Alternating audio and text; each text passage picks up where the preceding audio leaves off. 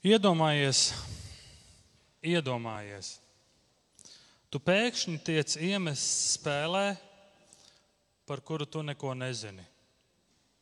Tu esi spēles vidū, spēles centrā. Tu neko nezini. Tu nezini, kad spēle ir sākusies. Tu nezini, kad tā beigsies.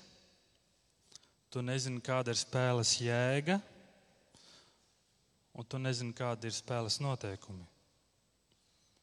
Iedomājies, ko tu dari, kad tu pēkšņi tiec iemests pa vidu šai spēlei.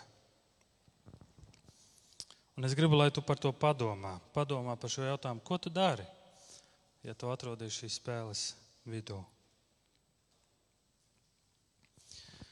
Trīs nedēļas mēs ar ģimeni bijām atvaļinājumā, skaistā atvaļinājumā. Man liekas, tik daudz pie dabas mēs kā ģimene līdz šim nebijām bijuši.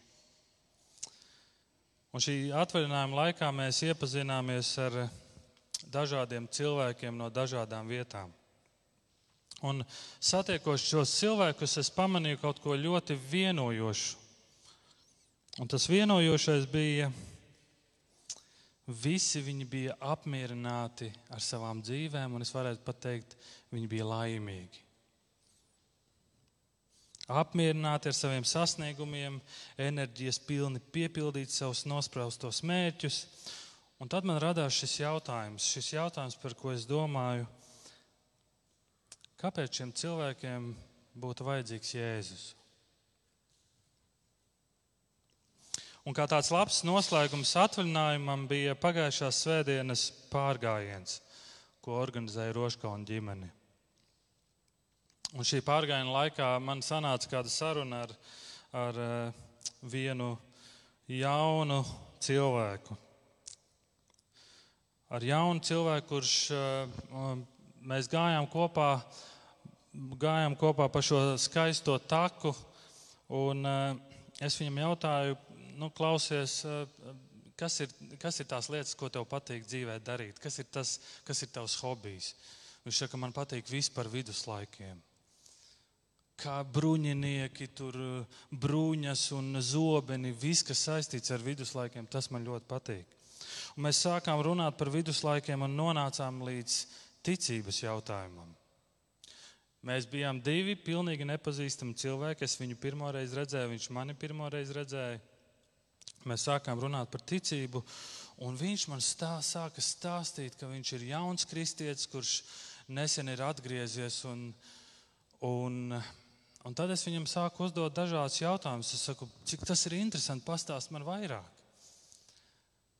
Es viņam neko nestāstīju par sevi.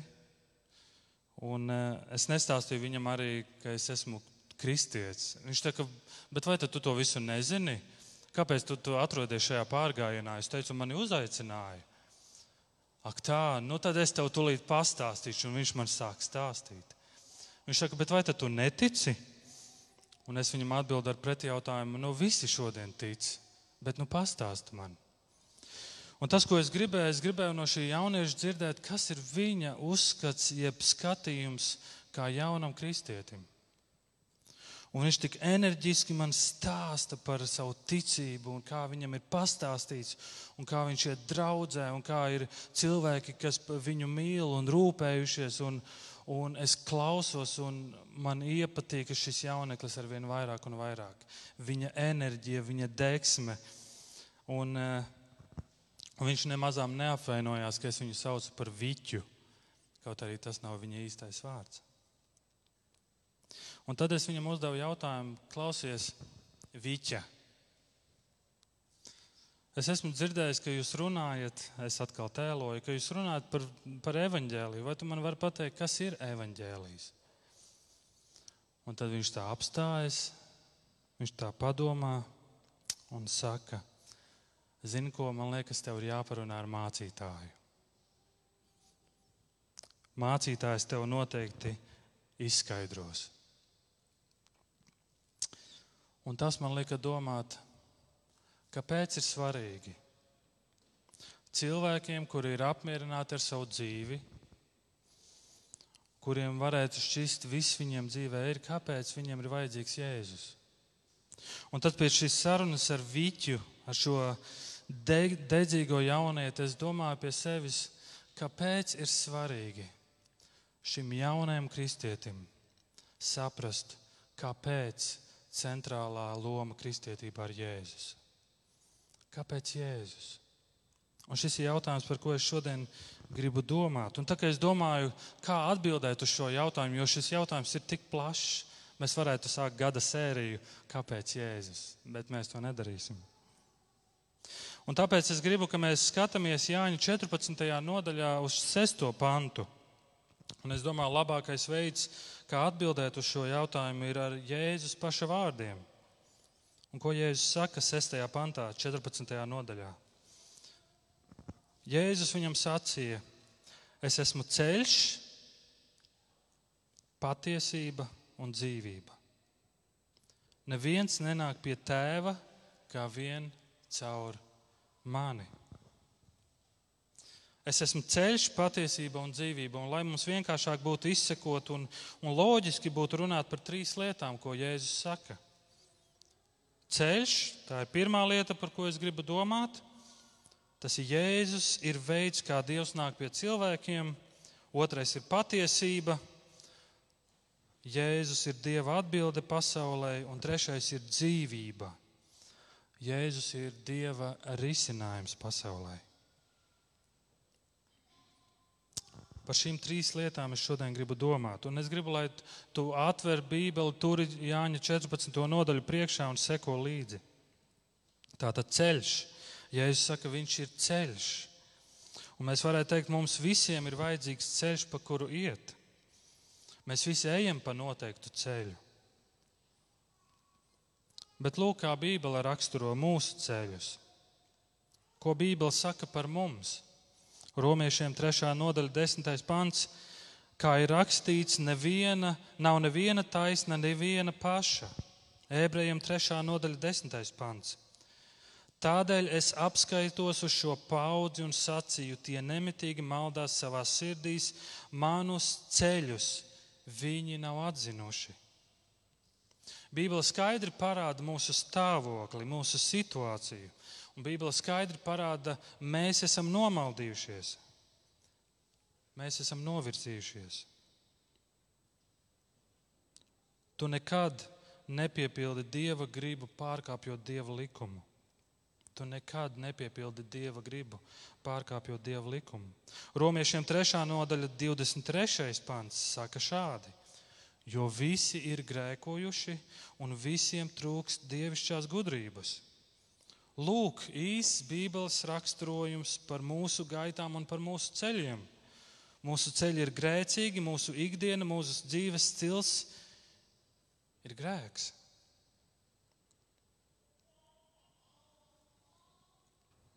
Salamana mācītāja trešajā nodaļā tur rakstīts, ka viņš, Salamans mācītājs, saka, ka Dievs visu ir darījis jauku tā īstajā laikā, pat mūžību viņš tiem ielicis sirdī. Tā ir viena no lietām, ko Dievs ir darījis ar mums, kad mūs ir radījis. Viņš mūsos ir ielicis mūžību. Un Dievs skatās uz cilvēces gaitu, un viņš redz, ka šīs cilvēces gaitas turpinājums ir mūžība bez viņa. Ja tā turpināsies, tad tā būs traģēdija. Un traģēdija ir dzīvot mūžīgi, bet bez dieva. Tā ir garīga nāve. Un tāpēc Dievs kaut ko dara. Un es zinu, mēs to visi, visi zinām. Un Dievs rīkojas. Jāņa 3.16. Jo Dievs tā pasauli mīlēja, ka deva savu vienpiedzimušo dēlu, lai ik viens, kas viņam tic, nepazustu, bet tam būtu mūžīgā dzīvība. Mīļie, Jēzus ir ceļš. Jēzus ir veids, kā Dievs nāk pie cilvēkiem. Dievs ir tik ļoti pārņemts ar šo projektu, ko sauc par cilvēka glābšanu, ka viņš kļūst kā mēs. Kāpēc Jēzus? Kāpēc Jēzus ir vajadzīgs manā dzīvē? Jo viņš ir ceļš. Jēzus saka, tu, viņš pats saka šos vārdus. Un ja Jēzus saka šos vārdus, es esmu ceļš, tad ko no tā mēs varam secināt? Mēs varam secināt, ka tu tas nēsi, un tas neesmu arī es. Tas ir Jēzus. Viņam ir jāpaveic kaut ko tādu, ko mēs nespējam. Paskatieties 14. nodaļu, kad mēs lasījām 14. nodaļu, šos 13 vai 14 pantus. Un 13. nodaļas beigas ir beidzas ar ļoti populāru teicienu. 13. nodaļas beigas ir Jēzus saruna ar Pēteri. Un Pēteris saka, un Jēzus saka, kurp es eju, tu nevari man tagad nākt līdzi, bet vēlāk nāksi. Un Pēters saka, kungs, kādēļ es tagad nevaru iet tev līdzi? Savu dzīvību es atdošu pār tevi. Jēzus viņam atbildēja, savu dzīvību tu atdos pār mani. Patiesi, patiesi es tev saku, vēl gailis nebūs nodziedājis, pirms tu trīs reizes mani būsi noliedzis. 13. nodaļa Jāņa evanģēlijā beidzas ļoti bezcerīgi. Bet 14. nodaļa sākas ļoti cerīgi. Jūsu sirdis, lai neiztrūkstas, ticiet Dievam un ticiet man. Mācekļi, Jēzus mācekļi nesaprata, šaubījās, teica apsolījumus un tos nespēja turēt. Kāpēc? Tāpēc, ka viņi nav ceļš, bet ceļš ir Jēzus. Un šīs ir labās ziņas, šis ir evaņģēlijs. Ka nevis tu esi atradis ceļu pie Dieva, bet Dievs ir veidojis ceļu, lai nāktu pie mums. Un šī ir eh, atšķirība kristietībai no citām reliģijām. Citas reliģijas māca, ka cilvēks kāp pa noteiktām kāpnēm pie dieva. Šīs kāpnes var būt dažādas. Bet kristietības vēsts saka, ka Dievs kāp pa kāpnēm pie mums. Daudzi šodien apgalvo un saka apgalvojumu, visas reliģijas ir vienādas. Visi ceļi ved pie Dieva, visas reliģijas ir vienādas. Esat tādu apgalvojumu dzirdējuši? Austrumu reliģijas sludina, ka tu izbēgsi no šīs miesas un pasaules ar saviem centieniem vai īpašu mentālu fokusēšanos. Bet kristietība sludina, ka tā vietā, lai mēs izbēgtu no miesas, Dievs ir nācis, lai atjaunotu šo miesu un pasauli. Animistiskās reliģijas.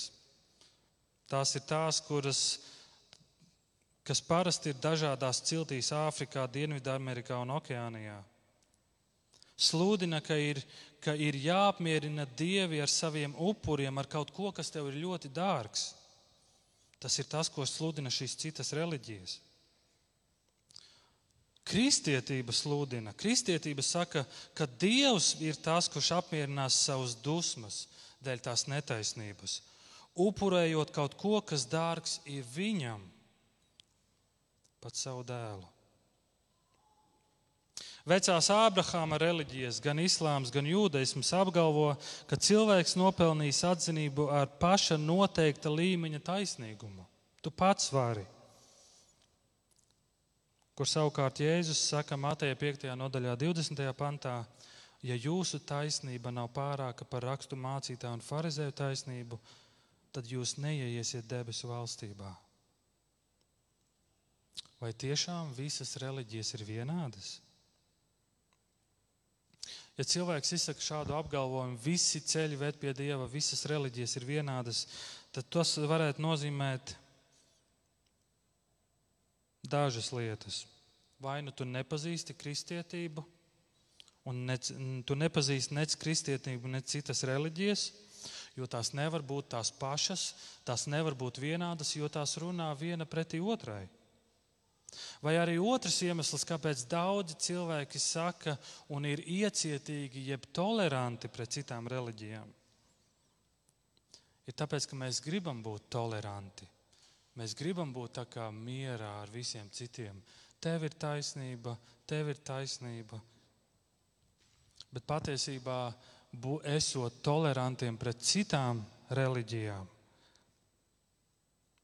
mēs tieši pretēji kļūstam ļoti, kas ir pretējs tolerantam, netoleranti. Jo sakot apgalvojumu, ka visas reliģijas ir vienādas, mēs sakām, ka Hitleram bija taisnība. Ja tu saki šādu apgalvojumu, tu apgalvo, ka džihādisti, kas nogalina simtiem nevainīgus savas reliģijas dēļ, ka viņiem ir taisnība. To apgalvo, ka simtiem tūkstošu tempļa prostitūtas savas reliģijas dēļ, ka tas ir ok. Vai tiešām? Un tie, kas apgal, saka šādu apgalvojumu, ka visas reliģijas ir vienādas, visi ceļi ir vienādi, pat neapzinās, kas ir tās šausmas citās reliģijās, ar ko sastopas cilvēki. Mēs šeit, šajā Latvijas nostūrī sēžot, mēs pat neapzināmies, kas ir tas, kam cilvēki iet cauri. Vai tiešām visas reliģijas, vai tiešām visi ceļi ir vienādi? Un man liekas, cilvēki, kas tā saka, ir akli. Cilvēki, kas saka šādu apgalvojumu, ir akli. Un kā šajā populārajā teikā par aklajiem, bija kādi aklie, kuri mēģināja izskaidrot ziloni. Atcerieties šo teiku. Kāds pieķērās astē un saka, ka zilonis ir kā virve, kāds atkal pieķerās šņukuram un apgalvo, ka tā ir čūska, cits apgalvo, ka zilonis ir ventilators, un cits apgalvo, ka zilonis ir palmas koks. Atbildībai, ko nes cilvēce, ir nepieciešamas dievišķās spējas. Mīļa, mums ir šeit pasaulē ir nepieciešama dievišķa iejaukšanās. Un tieši tāpēc Dievs veido ceļu pie mums. Tāpēc Dievs nāk pie mums. Un kas ir veids, kā Dievs pie mums nāk? Un tas ir Jēzus. Jēzus ir ceļš. Bet uz kurienes šis ceļš ved? Katram ceļam ir virziens, ir gala punkts, un mēs lasām, ka šis ceļš ved uz patiesību. Jēzus saka, es esmu ceļš, patiesība. Jēzus ir patiesība. Šis ceļš mums ir tik ļoti nepieciešams, kas mūs aizved uz patiesību. Patiesība ir tik liela tēma Bībelē, un viens no Bībelē populārākajiem jautājumiem ir, ko uzdot Pilārs Jēzum. Kas ir patiesība? Mums ir tik daudz jautājumu, cilvēkiem apkārt ir tik daudz jautājumu. Un romiešiem 8. nodaļā, 22. pantā ir šāds pants, kas skan šādi. Mēs zinām, ka visa radība līdz pat šim laikam nopošas un cieši radību mokas. Un šodien, kad es lasu ziņas, un kad mēs esam šajā ziņu notikuma virpulī, tā vien šķiet, ka visi mēs nopūšamies par to, ko mēs redzam mūsu kaimiņu valstī Baltkrievijā. Visa Baltkrievu tauta iziet ielās, jo viņi vēlas patiesību. Es ticu, ka tās ir šīs tautas ilgas. Un tu redzi, un arī mēs, taut, valstis, kas esam apkārt, mēs ilgojamies. Es ceru, ka mēs ilgojamies un ticam, ka šajā valstī var iestāties godīga un patiesa valdīšana. Cilvēki ilgojas pēc patiesības. Mēs ilgojamies pēc patiesības. Un vēstules ebrejiem pirmajā nodaļā, pašā sākumā, vēstules ebrejiem vēstule sākas ar šādiem vārdiem, ka Dievs senlaikos daudzkārt un dažādi caur praviešiem runāja uz tēviem. Dievs dažādos veidi, veidos uz mums ir runājis. Dievs dažādos veidos ir vēsturē runājis, bet šajās pēdējās dienās Viņš ir runājis uz mums caur dēlu.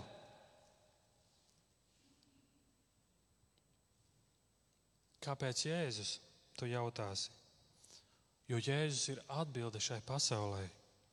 Pasaulē, kurai ir tik daudz jautājumu. Jēzus ir atbilde. Un tas ir tas, ko es gribētu, lai ik viens kristietis, neatkarīgi no tā, vai tu esi jauns kristietis, vai tu jau e, esi ar stāžu, ka tu zini, kāpēc Jēzus ir visa centrā. Kāpēc Jēzus ir manas kristietības centrā? Tāpēc, ka Jēzus ir Dieva atbilde šai pasaulē. Kādā grāmatā Jēzus starp sekulārajiem dieviem Šis grāmatas autors saka šādu teikumu, šādu tekstu. Tikai atklāsme var dot mūsu zināšanām stabilitāti un uzticamību. Vai nu mums ir zināšanas ar atklāsmes palīdzību, vai arī mēs esam nonākuši reālas zināšanu teorijas nepatikšanās. Pieķērušies augstprātībā, apgalvojot, ka kaut kā mums, mazajā visuma nostūrī, mūsu mazajā vēstures šķēlītē, ir izdevies atklāt patiesību par dziļāko dzīves jautājumu. Un lūk, mūsu izvēles - dzīvot lielā neziņā vai dzīvot un uzticēties lielam dievam. Un tas, ko šis autors saka, ka tikai atklāsme dot mūsu zināšanām stabilitāti un uzticamību. Tikai atklāsme ir tā, kas dod mums šo pārliecību par to, kam mēs ticam. Un kā jūs domājat, ko mēs lasām Jāņa 1. nodaļā, 14. pantā? Vārds tapa miesa un mājoja mūsu vidū, un mēs skatījām viņa godību, tādu godību kā tēva vienpiedzimušajam dēlam, pilnu žēlastības un patiesības. Lūk, mīļā draudzene, mūsu atklāsme no Dieva. Jēzus Kristus. Jēzus, kāpēc Jēzus? Jo viņa ir atklāsme no Dieva, ko Dievs sūta. Kāpēc Jēzus? Jo Jēzus ir patiesība. Bet patiesība par ko? Jēzus Jēzus iespējams atbild uz cilvēces vislielāko jautājumu. Jēzus iespējams, es ticu, ka Jēzus atbild iespējams uz cilvēces lielāko jautājumu, un šis jautājums skan šādi. Ko tas nozīmē būt cilvēkam? Ko tas nozīmē būt cilvēkam? Un, un šis jautājums ir tik liels, ka šim jautājumam ir ļoti daudz apakšjautājumu. Un tie jautājumi, ko cilvēki uzdod, ir, kā laba dzīve izskatās, kas mēs esam, kāds ir dzīves mērķis, vai ir kaut kas vai kāds lielāks par mani, vai ir tāda lieta kā cilvēka vērtība Vai tā ir tikai visīstākā realitāte, ka kāds izdzīvošanai pielāgojas labāk nekā citi? Vai īsta brīvība ir iespējama? Vai mūsu dzīves nozīmē kaut ko vairāk? Vai man ir cerība? Ko nozīmē būt veiksmīgam? Vai mūsu dzīvei ir lielāka nozīme, vai mēs paši to izveidojam? Ko nozīmē būt cilvēkam, ja roboti mašīnas spēj paveikt manu darbu daudz labāk? Kā man zināt, ko dzīvē izvēlēties? Kas ir tas, kas man saka, kas es esmu? Vai es to izvēlos? Ko es drīkstu vai nedrīkstu darīt ar savu ķermeni? Šie jautājumi un vēl tūkstošiem citu jautājumu kliedz pēc atbildes uz vienu svarīgu jautājumu. Ko tas nozīmē būt cilvēkam?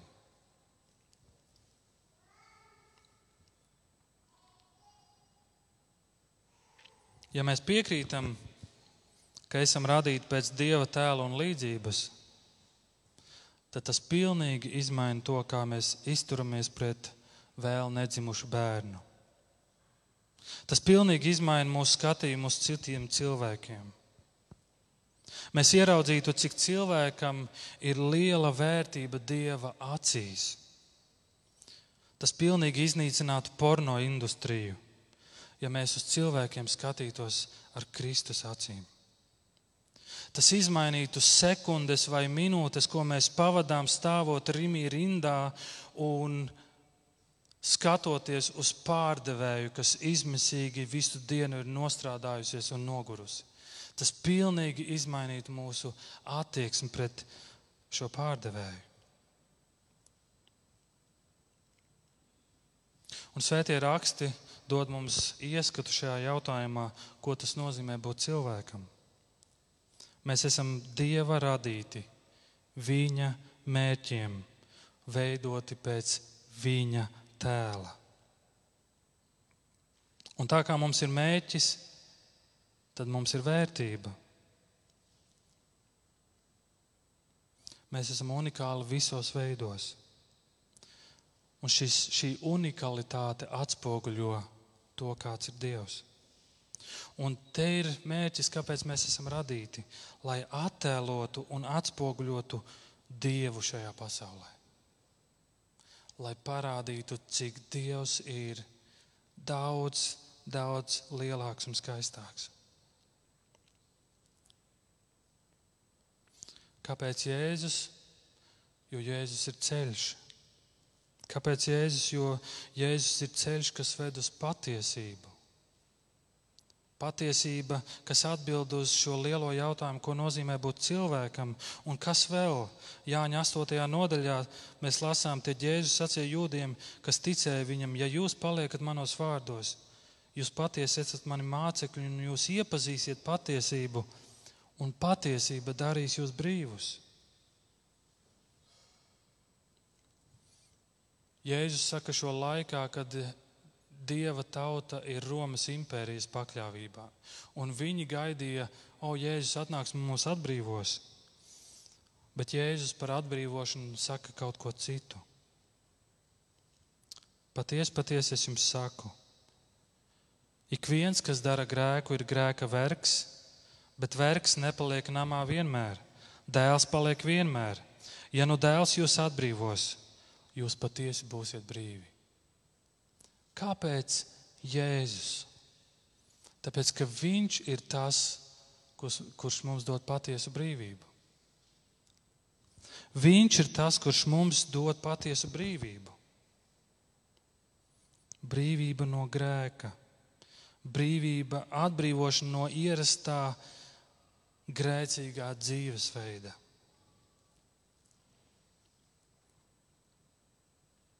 Un ejam uz trešo punktu. Jāņa 14,6. Jēzus saka, es esmu ceļš, patiesība un dzīvība. Jēzus ir ceļš, kas ved uz patiesību, un ceļš, kas ieved dzīvībā. Kāpēc Jēzus? Jo Jēzus ir Dieva risinājums pasaulē. Raimond, kāpēc tu saki risinājums? Vai tad ir problēma? Jā, ir. Hjūstona, mums ir problēma. Šis populārais citāts no star, sarunas starp Apollo 13 astronautu un NASA misijas kontrolas centru. Mums ir problēma. Un kas ir šī problēma? Un šī problēma ir rakstīta Efeziešiem 2.1. Arī jūs bijāt miruši savos pārkāpumos un grēkos. Kāpēc? Mums vajadzīgs Jēzus, jo Viņš ir Dieva risinājums šai pasaulē. Mūsu problēma ir garīgā nāve. Mēs esam garīgi miruši. Un ko mīris cilvēks var izdarīt? Neko. Un tāpēc nāk Jēzus, kurš ceļ mūs augšā, kurš dara mūs dzīvus, kurš dod mums dzīvību. Kolosiešiem 2.13. Jūs, kas bijāt miruši savos grēkos un miesā neapgaizīti, Dievs darīja dzīvus līdz ar Kristu, dāvādams mums visu grēku piedošanu. Pirmā Jāņa 5. nodaļa, un šī ir tā liecība, Dievs mums ir devis mūžīgo dzīvību, un šī dzīvība ir Viņa dēlā. Šī dzīvība ir Jēzu Kristu. Kam ir dēls, tam ir dzīvība, bet kam dieva dēla nav, tam nav dzīvības. Bībele saka, ka Jēzus ir dzīvības autors, un ja viņš ir dzīvības autors, tad viņš ir arī dzīvības avots.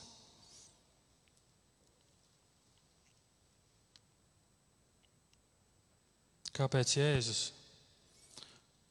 Jo tikai Viņš spēj dot mūžīgo dzīvību.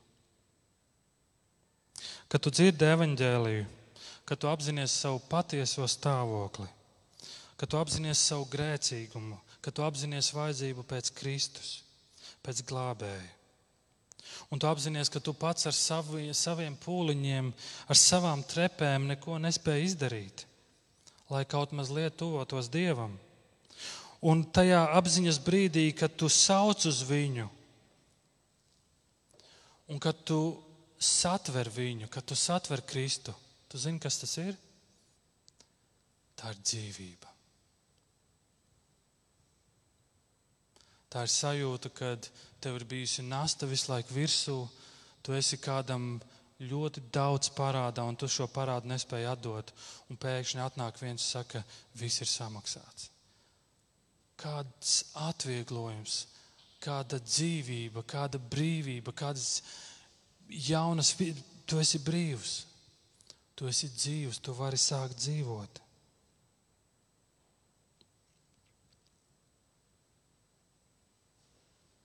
Tā ir dzīvība, kad tu dzirdi vārdus, tev ir piedots. Tā ir dzīvība, ka tu vari elpot brīvi, ka viss ir piedots un viss ir darīts jauns. Tā ir brīvība, tā ir dzīvība, ka tu saproti, ka visi tavi sastrādātie dzīves mēsli vienā brīdī tiek paņemti prom un piedoti. Kāds kristietis brauc taksī kuru vadīja musulmanis. Un šī brauciena laikā viņam izvērsās saruna par, par ticību. Un šīs sarunas laikā šis musulmanis teica, es ļoti baidos no tiesas dienas, un ik viens musulmanis tev to var apgalvot tieši to pašu. Es ļoti baidos no tiesas dienas. Un šim kristietim bija iespēja paskaidrot, kas ir tas, kam viņš tic, un, un kas ir tas, ko kristietības vēsts sludina. Ka mums nav jābaidās no tiesas dienas, jo Jēzus visu to ir uzņēmis uz sevi. Uz ko takša šoferis ar smagu sejas izteiksmi sejā atbildēja. Tas ir tik skaists stāsts. Kā es vēlētos, ka tā būtu patiesība. Šis stāsts, ko tu man stāsti, tā vēsts, ko kristietība sludina, tas ir tik skaists, kā es vēlētos, ka tā ir patiesība. Un šī ir mūsu problēma. Problēma mums ir tā, ka mēs nespējam noticēt Jāņa 3.16, jo tik ļoti Dievs pasauli mīlēja. Jo tik ļoti Dievs pasauli mīlēja mīlēja, ka viņš deva savu visdārgāko. Un tā ir mūsu problēma, ka mēs nespējam noticēt, ka mūs kāds mīl. Un kur nu vēl vairāk pats Dievs? Žēlastība un atdošana ir Jēzus mācības centrā. Un Jēzus, stā, un Jēzus atnāk. Kāpēc Jēzus? Jo viņš atnāk un parāda, cik Dieva mīlestība ir liela.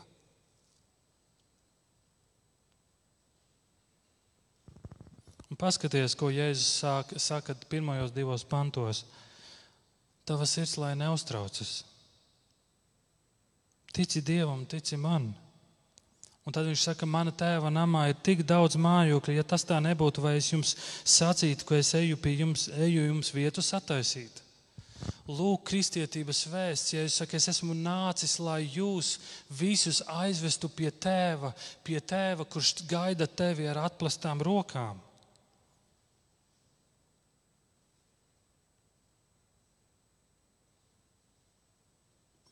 Jēzus saka, mīļie, man ir atslēgas no tēva mājām. Un starp citu, es jūs visus gribu aizvest tur.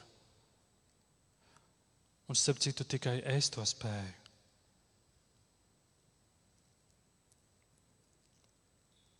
Iedomājies, iedomājies, ka tu pēkšņi tiec iemests spēlē, par kuru tu nezini neko. Tu nezini, ka tā ir sākusies, tu nezini, kad tā beigsies, tu nezini, kas ir spēles jēga, un tu nezini, kādi ir tās noteikumi. Ko tu darītu? Es esmu uzdevis šo jautājumu kādiem cilvēkiem, un interesanti dzirdēt atbildes, kādi saka, es vienkārši skrietu visiem līdzi, tēlotu, ka es saprotu, ko es te daru. Cits atkal teiktu, es ietu pie, pie tiesneša un pie trenera un teiktu, trener, jautātu trenerim, ko es te vispār daru un ko mēs te spēlējam un kas man jādara. Citi saka, es vienkārši noietu malā un stāvētu, vai es stāvētu laukuma vidū. Ko tu darītu? Ja tu būtu spēlē, kur tu nezini neko, visi skrien kaut ko dara, kāds kaut ko met, un, bet tu nezini neko. Lai tu veiksmīgi varētu piedalīties spēlē, ir svarīgi zināt četras lietas. Sākums, mērķis, noteikumi un beigas.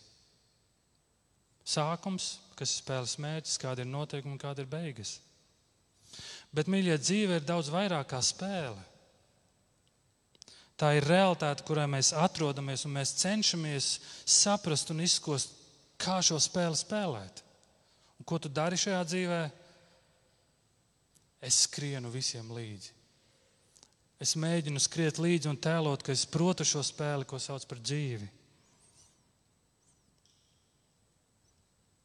Bet kam tu skrien līdzi? Kam tu jautā jautājumus? Kam tu uzticies? Kāpēc Jēzus? Jo viņš zina, kas ir šīs spēles sākums, ko sauc par dzīvi. Viņš zina, kas ir dzīves jēga, viņš zina, kas ir dzīves noteikumi, ko nozīmē būt cilvēkam. Viņš dod šo atbildi, un viņš zina, kas būs beigās. Jēzus zina šīs atbildes. Un tāpēc Jēzus saka, es esmu ceļš, patiesība un dzīvība.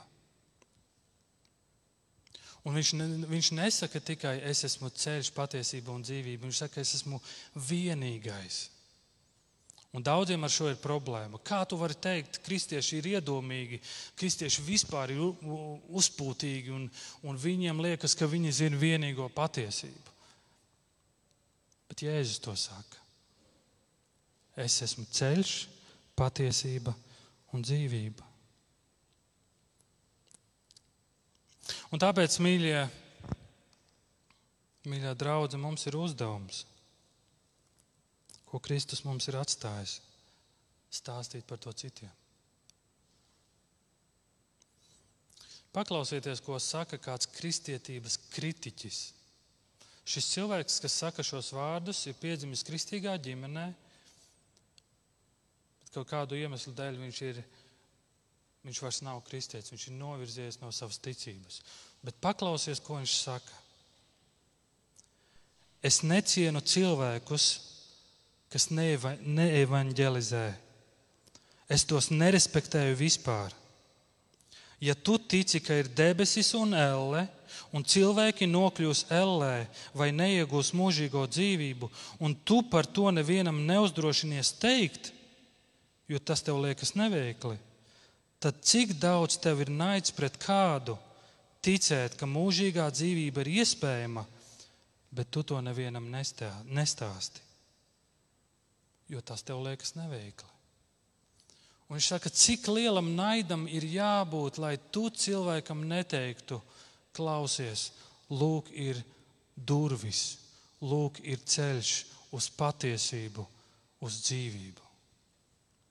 To saka cilvēks, kurš ir kritiķis pret kristietību. Un tas ir mūsu uzdevums, mīļie, ko Kristus mums ir atstājis. Ja tu tici, ja tu esi satvēris, ka Jēzus ir vienīgais ceļš, vienīgā patiesība un vienīgā dzīvība, tu tam tici? Un ļaujiet nobeigt ar privilēģiju. Mums nav tikai uzdevums iet un teikt, bet tā ir mūsu privilēģija iet un citiem stāstīt. 2001. gada 11. septembrī Amerikā notika traģēdija, vairākas lidmašīnas ietriecās pasaules tirdzniecības centros, un viena lidmašīna ietriecās lielā mājā, ko sauc par Pentagonu. Esat dzirdējuši, vai ne? Un šajā mājā, ko sauc par Pentagonu, strādāja kāds darbinieks, kuru sauc John Yates, Jānis Yates. Es nezinu, kā tulkojas Yates. Un tad viņš stāsta, ka tajā brīdī, kad šī lidmašīna ietriecās Pentagonā, Pentagons ir daudz izturīgāka māja nekā tirdzniecības centra. Viņš saka, es tieši atrodos ļoti netālu vienā no telpām, kur šī lidmašīna ietriecās. Visa telpa bija vienās uguns liesmās, viss, kam es pieskāros, bija, bija, bija ugunī, bija karsts. Es nevarēju nekam pieskarties. Mēs visi gu, bijām nogulušies kolēģi, kas bija blakus telpā, pieci kolēģi bija uz vietas miruši. Un viņš saka, un es centos saprast, kur man doties. Es neko neredzēju, pilns ar dūmiem. Un viņš saka, un tad es jūtu, ka man pie kājas pieķerās mana kolēģe. Un viņš saka, un es neko neredzu, bet es dzirdu balsi.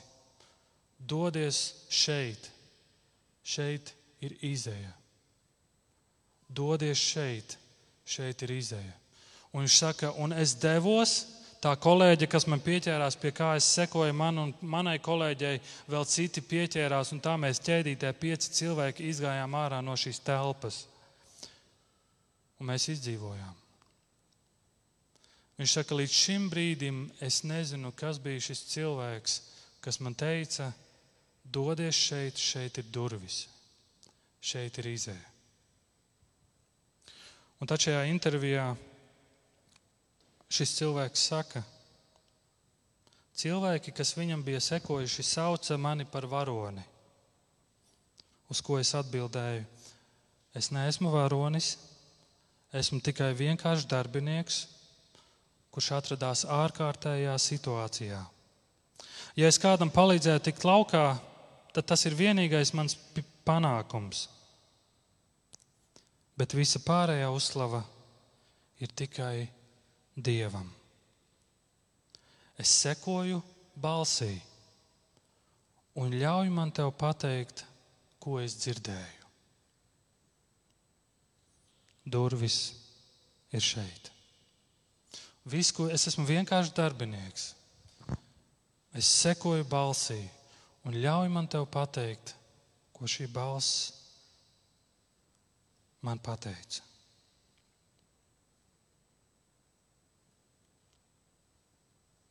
Dievs ir sagatavojis ceļu, kas ir patiesība un kas ved uz dzīvību. Jēzus ir šis ceļš. Un kaut mēs izējot no vīlandes, mēs varētu pateikt, es esmu vienkārši cilvēks, bet ļauj man te pateikt, ko es dzirdēju. Iesim pa šo ceļu. Lūksim Dievu. Mīļais Jēzu, paldies par Tavu vārdu šodien, par Tavu atgādinājumu.